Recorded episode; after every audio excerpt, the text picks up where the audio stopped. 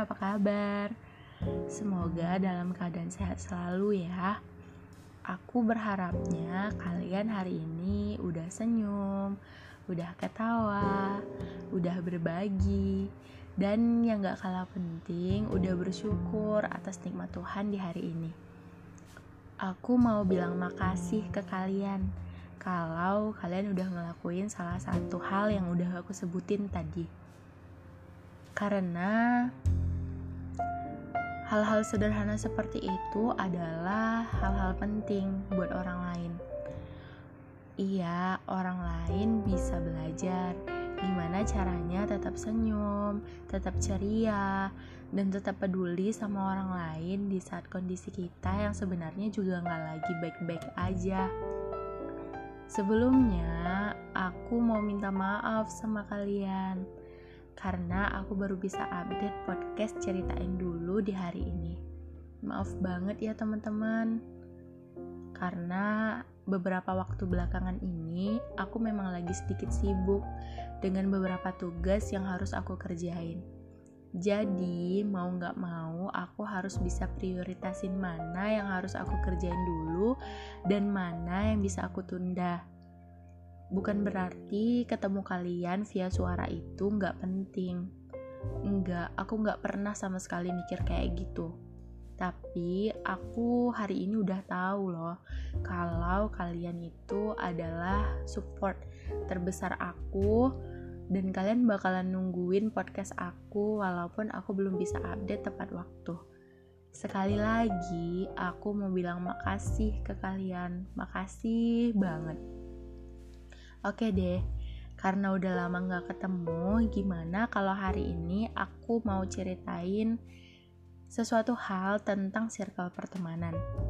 Sebenarnya ini circle pertemanan yang hari ini aku lagi jalanin sih dan ya udah ayo kita sama-sama cerita ya kalian simak juga cerita aku mana tahu nanti ada hal-hal yang bisa kalian ambil dari cerita aku dan bisa kalian ceritain lagi ke orang lain. Aku mau nanya deh sebelumnya kalian pernah nggak sih punya teman yang dulunya tuh deket deket banget gitu? Ke mana-mana bareng, ngapa-ngapain harus ada dia, apa-apa ceritanya ke dia, dan ya kalau bisa dibilang kayak udah hari-hari bareng dia terus. Tapi sampai suatu masa kalian nggak tahu ceritanya gimana, nggak tahu masalahnya apa, tiba-tiba kotak WA kalian tuh kayak udah di blok, foto dia udah nggak kelihatan lagi. Pas kita chat dianya udah checklist satu. Terus di Instagram kalian udah nggak bisa nyari akun dia lagi. Bahkan di Facebook kalian udah di unfriend. Iya tiba-tiba aja gitu tiba-tiba ngilang dan sampai sekarang nggak pernah tahu masalahnya apa bahkan kalian nggak pernah baikan ayo pernah nggak kalian ngerasain kayak gitu kalau aku pribadi saat ini aku lagi ngerasain poin-poin yang sebelumnya udah aku sebutin. Ya udah, aku cerita ya. Mungkin sekitar 11 bulan yang lalu, aku dihadapkan dengan kasus ini. Awalnya aku nggak mikir macem-macem sih. Aku mikirnya mungkin dia lagi marah sama aku. Ada beberapa hal yang mungkin nggak sesuai menurut dia di aku jadi cara dia buat nyelesain masalah itu ya dengan ngelakuin hal itu semua.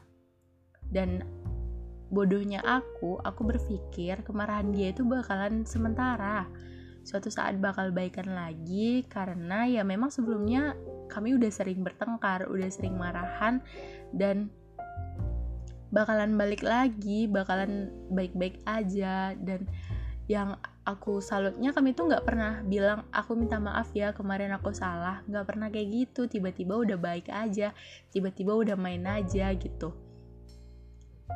Yang aku nggak tahu kenapa 11 bulanan ini kami nggak pernah ada perkembangan yang menuju ke sana udah nggak ada tanda-tanda buat balikan lagi. Dan kalau sekarang tuh masalahnya udah makin lebar. Udah nggak tahu masalahnya arahnya ini udah ke mana. Ibarat ember bocor lubangnya itu udah nggak satu titik lagi. Tapi udah banyak titik yang kalau misalnya mau, diper mau diperbaiki juga nggak tahu memperbaiki dari yang mana dan nggak tahu juga yang diperbaiki ini bakal bertahan berapa lama. Kalau diingat-ingat ya aku tuh temenan sama dia mulai dari SD sampai kuliah di semester 3 Bayangin selama itu, bayangin setiap hari ketemu, aku gimana ya? Aku bahkan ngerasanya udah cukup erat loh sama dia, udah saling terikat aku sama dia. Tapi kenyataannya nggak gitu. Karena masalah sepele menurut aku, yang masalah ini sebenarnya melibatkan orang lain. Orang lain yang juga teman aku, dan saat ini aku sama dia ini udah sama-sama tahu kalau temen aku yang orang lain ini udah nggak bisa loh buat diajak main-main bareng lagi udah nggak bisa loh buat diajak nginep-nginep bareng lagi sambil ceritain cerita tentang cowok-cowok yang mungkin lagi deket sama kita hari ini iya karena dia udah punya kehidupan sendiri yang jauh lebih berharga dibandingkan circle pertemanan kita. Kalau kalian penasaran 11 bulan kami ngapain aja, iya jawabannya nggak ngapa-ngapain, nggak berusaha buat saling memperbaiki juga. Padahal aku sama dia tuh tinggalnya deketan.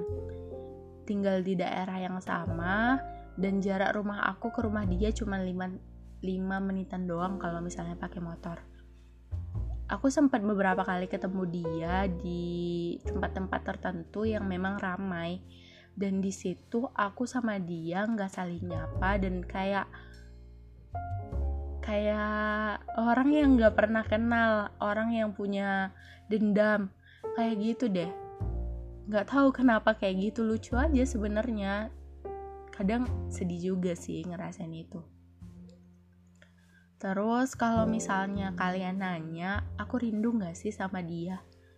Jawabannya kalian udah pasti tahu.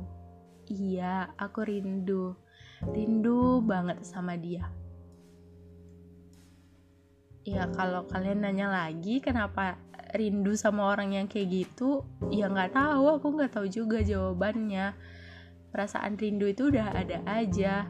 Karena memang udah terbiasa sama dia terus tiba-tiba harus nggak terbiasa sama dia dari mulai zamannya SD yang masih alay yang masih pede pergi pakai baju tidur doang terus pas SMP mulai pakai hijab memperbaiki diri SMA mulai hijrah dan dia nemenin itu loh nemenin setiap proses aku yang menurut aku tuh sulit dan butuh penyesuaian. Dan dia selalu support. Ya. Dan yang aku ngerasain banget itu pas sama-sama kuliah sama-sama di daerah orang yang nggak kenal siapa-siapa yang nggak tahu ke mana-mana. Di situ kayak aku sama dia tuh berusaha banget buat saling menguatkan. Berusaha buat bisa hidup di rantau walaupun sebenarnya nggak bisa. Bukan nggak bisa sih lebih tepatnya sulit banget. Bayangin deh, udah banyak waktu yang kami habisin bersama, udah banyak kenangan yang mungkin terukir, dan sekarang berasa gak berarti apa-apa. Sebenarnya sampai hari ini aku juga masih sering mikir sih, masih sering ngerasa kalau misalnya dia suatu saat balik lagi, bilang kalau misalnya pengen sama-sama lagi kayak dulu, kira-kira hati aku bakalan sanggup gak ya? aku bakalan bilang apa kalau misalnya aku bilang iya aku sanggup nggak dengan segala konsekuensi yang bakal ada. Kalau misalnya aku bilang enggak aku perlu tahu lagi kayak gimana sih cara aku buat nolak yang sebenarnya aku pengen nolak sih. Cuman sampai hari ini aku nggak tahu gimana cara nolaknya. Aku nggak tahu kalimat apa yang harus aku bilang supaya dia nggak ngerasa sakit hati. Tapi ya udah deh aku nggak mungkin berandai-andai terus kan karena kayaknya hal yang aku pikirin itu nggak bakal terjadi juga Dan buat kalian yang mungkin hari ini lagi bertengkar sama teman kalian, coba deh kalian klarifikasi ya masalahnya apa. Jangan sampai, jangan sampai, dan jangan sampai lagi kalian nih kayak aku dia tiba-tiba ngilang masalahnya makin lebar dan kalian gak bisa memperbaikinya lagi kalian terpaksa banget buat nemuin circle pertemanan baru buat berusaha nyaman lagi, berusaha ngertiin orang baru lagi. Dan kalau misalnya kalian lagi baik-baik aja sama teman kalian, ya terus baik-baik aja ya. Walau kadang kita kadang harus ngalah. Ya sebenarnya nggak apa-apa sih ngalah asal nggak ngelukain diri kalian aja. Aku nggak pengen seriously aku nggak pengen kalian ngerasain hal yang sama kayak aku saat ini Oke deh, sekian dulu ya cerita aku tentang circle pertemanan aku. Semoga ada satu hal yang bisa kalian ambil dari cerita aku ini. Gak terasa banget ya, udah 11 menitan. Oke deh, selamat menjalankan ibadah puasa ya besok pagi. Bye-bye.